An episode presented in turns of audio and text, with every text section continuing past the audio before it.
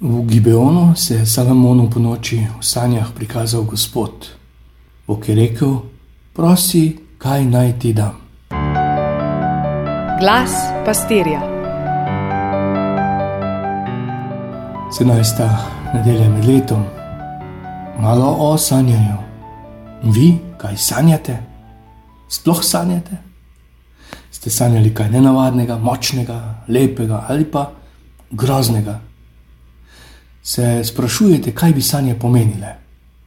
Je to le zmešnjava podzavestnega ali naši strahovi, želje, spomini? Vas je strah san ali pa ste pomislili, kaj pa če mi skozi sanje želi Bog kaj povedati? Običajno na duhovnih vajah otroke ali mlade vprašam, kaj ste sanjali. Malo zato, da se začnemo pogovarjati, malo zato, ker me res zanima. Kaj pa če komu od teh otrok, mladih ali odraslih, ki se mu v duhovnih vajah odpirajo znova področja, vendarle spregovori Gospod? Ne bi bilo prvič. Danes beremo o dečku Salomonu, sinu Davida, tudi uveljavljenem kot fantu, ki je bil po božjem srcu, kot deček, veliki zmagovalec, ki užene Goljata. Skoraj kakor glavni lik letošnjega oratorija, nemočni hobit, po katerem zavlada mir po vseh deželah. David postane veliki vojskovodja in mogočni zmagovalec mnogih bitk in vojn. Pa vseeno ni mogel premagati svoje narave, kar čuti vse kraljestvo. Njegov lastni sin, Roboam, zaneti nemire in vojno stanje. Zato David, še vedno človek po božjem srcu, ranjen z grehom, želi predati vse, kar je ustvaril in kar mu je Gospod nalaga na svojega naslednika, ki ga imenuje kar Božji ljubljenec. Ni njegov prvorojenec, končno tudi sam ni bil prvorojenec. Na prvorojenstvo nima vpliva nihče, ne starši, ne otrok sam, torej je to čisto božje delo, je zagotovilo božjega. Tako pa ni ne David, ne Salomon, samo umevno izbran, posebej sta bila poklicana. Ko se poslavlja, mu pravi: Odhajam na pot vsega zemeljskega, bodi torej močan, bodi mož, drži se postave Gospoda, svojega Boga, da boš hodil po njegovih potih in se držal njegovih zakonov, zapovedi, odlokov in pričevanj, kakor je pisano v Mojzesovi postavi, da boš imel srečo pri vsem, kar boš delal in pri vsem, česar se boš lotil. In Gospod bo držal besedo, David Salomono. Ni dvoma, oče mu zapušča mogočno dediščino, poleg kraljestva in odnosov s sosednjimi kraljestvi, mu pripada še gradnja templja Gospodu. Prvi bo to storil, saj na tako dostojanstven način. Tisti, ki ste bili v sveti deželi, vam je znan tempelski grič in mogočna tempelska ploščad. Templja ni več, imamo pa na tisoče svetišč, ki so nasledniki tega hrama. Velika naloga čaka tega dečka, veliki izziv. Je pravi za to, se čuti sposobnega, dovolj pripravljenega, je dobro izšolan, pripravljen, uveden. Bolj ko se zaveda, bolj je v nevarnosti mladostniška razposajenost, nad močjo in po drugi strani prestrašenost pred obveznostmi, pričakovanji. Končno si tega ni sam izbral.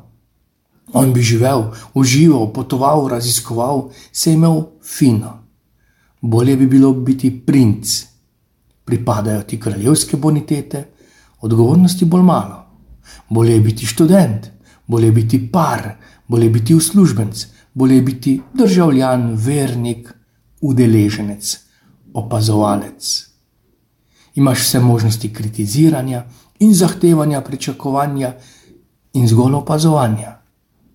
Ko ti dni poslušam in prebiram kritike in natolcevanja o premestitvah, recimo duhovnikov, kar rumeni tisk smo katoliki.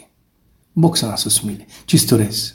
Salomon pa, čeprav samo v sanjah, se ne izogiba, se ne izgovarja, posluša in glavno izbiro prepušča Gospodu, vsaj v sanjah. Kar nekajkrat v svetem pismu najdemo božji pogled na sanje. Četrti Mojzesovi, poslušajte vendar moje besede. Če je med vami gospodov prerok, se mu dam spoznati v prikazni, v sanjah govorim z njim. Ne boste verjeli, kar nekaj izumov je nastalo na podlagi sanj.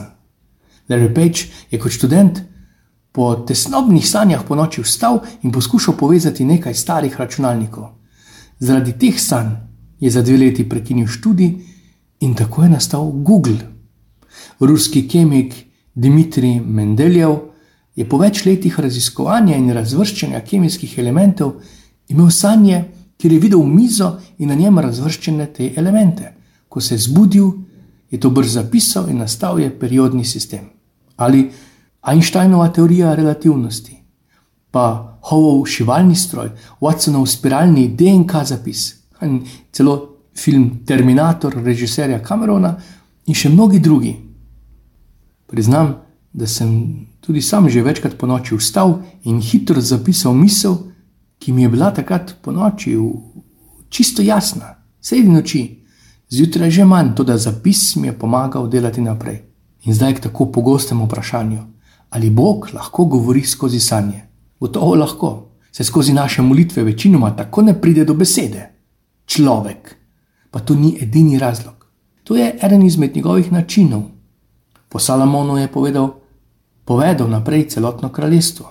Šlo kaj narobe? Seveda, Salomon je pozabil, kaj mu je naročil oče David, kaj je obljubil Gospodu in kaj je molil. Spomnim na današnji odlomek tega veličastnega 119. psalma. To je moj delež, da izpolnjujem tvoje besede, kajti tvoja postava je moje veselje. Zato ljubim tvoje zapovedi bolj kot zlato. Tvoje pričevanja so čudovita, zato jih varuje moja duša. Stari zavezi zato zasledimo kar nekaj primerov, ko so ljudje prejeli sanje od Boga. Posledica: sledili so mu. To so bili Jakob, pa Laban, pa Jožef, Salomon, David, novi zavezi Jožef večkrat. Po Jobu nam tako jasno pove o božjem njegovem pogledu na sanje. Pravi: Bog namreč govori na svoj način, drugače pa se na to ne ozira. V sanjah, v nočnem videnju, ko ljudi objema trdno spanje, v spancu, na ležišču, tedaj odpira ljudem uho in jih straši v njihovih vezeh, da bi človeka odvrnil od dejanj, ki skrivajo moževo šabnost, njegovo dušo zadržuje pred pogubo, njegovo življenje pred odhodom v usmrtitev. Na njegovem ležišču ga opominja z bolečinom, boj v njegovih kosteh se podaljšuje. Kaj torej Salomon v sanjah prosi? Daj mi poslušno srce, ki bo ločilo med hudim in dobrim. In že smo pri evangeliju, zakladu vere. Saj poznamo rek, dokler nisi našel nekaj, za kar si pripravljen umreti, nikoli nisi živel. Se res, kaj mi je dragoceno? Lahko kot spomin, lahko kot realna vrednost. Kaj sploh je realna vrednost? Je to dragocena slika na steni ali fotografija pokojnih staršev? Prstan, simbol ljubezni ali avto, znamenje premoženja in moči? Kaj je moj zaklad? Rimljanom Pavel danes pravi: Nim, ki ljubijo Boga, vse pripomore k dobremu. Ko slišimo zaklado zakopanem na nivi, kako je prišel tja, kdo ga je tja zakopal in zaklad vere. Včasih smo ob nevrjetnem prizoru ta trenutek morda fotografirali, še prej ob njem ostrmeli, občudovali. Danes delamo selfije. Večina fotografije in najpomembnejši prizor so moja frizura, ustnice, oči, make-up pa naj bo to sončni vzhod ali zahod, izbruh vulkana ali rjovenje leva v neposrednji bližini. Ob vsem tem osrednja eh, točka moj jaz, kjer je tvoj zaklad, tam je tvoje srce. Kdaj si živ, kdaj čutiš pritisk, si pripravljen kaj storiti, skočiti, tvegati. Potreben pritisk, ali je prisila ali navdušenje, je Bog dolžnost ali veselje. Vera je življenska sila, ki ti spremeni življenje. Šport ti spremeni življenje, ukvarjanje z naravo ti spremeni življenje, srečevanje z Bogom ne spremeni življenja. Tujec, prijatelj te vpraša, zakaj slediš Jezusu? In iščeš odgovore iz teologije, raznih razlag, molitev, navad, kulture, folklore. Pa morda najpreprostejši odgovor, da bi bil srečen. Vsak človek gre po tisti poti, kjer mu srce pravi, da bo našel srečo, sveti Augustin. Veselje je simptom, je znak, da hodiš dobro, da si na pravi poti. V življenju ne napredujemo z močjo volje, ampak strastjo, z odkrivanjem zakladov. Kjer je tvoj zaklad, tam je tvoje srce, tam teče tvoje srce veselo. Napredujemo z zaljubljenostjo in veseljem, ki ga žene srce. Živi tisti, ki napreduje k temu, kar ljubi. Zaklad v nivi, v zemlji se išče vsakdanji kruh, predelek, iz leta v leto. Tam po tvojem trudu in rodovitnosti zemlje nastane morda desetkratni predelek.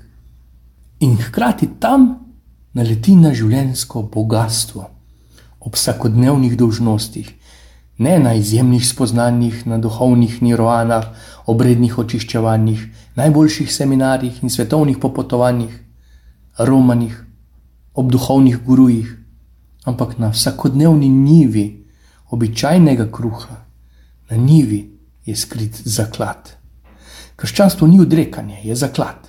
Zato poslušno srce, Salamon. Svet se kopa v informacijah. V trenutku lahko preberem in zrecitiram sonete nesreče in povem, kako je potekal proces kolonizacije Latinske Amerike. Kaj je to binom in kdo so zadnji Nobelovi nagrajenci in zakaj. To zvemo takoj, pametni smo, tako mislimo, imamo dostop do vseh podatkov. Najmodrejši izmed modrih, Salomon, pa prosi za razumno in poslušno srce in to v sanjah. Mi si želimo vojsko, da bi si to priborili, mi si želimo imetje, da bi si kupili, zaklad pa je darilo. Morda pa je vera danes zato tako dragocena, ker je ni mogoče kupiti in zavojevati, in tako daleč, ker je na dosegu vsakega srca. Zato vabilo pojdi v srce. Blagoslova in vse dobro, Bog živi.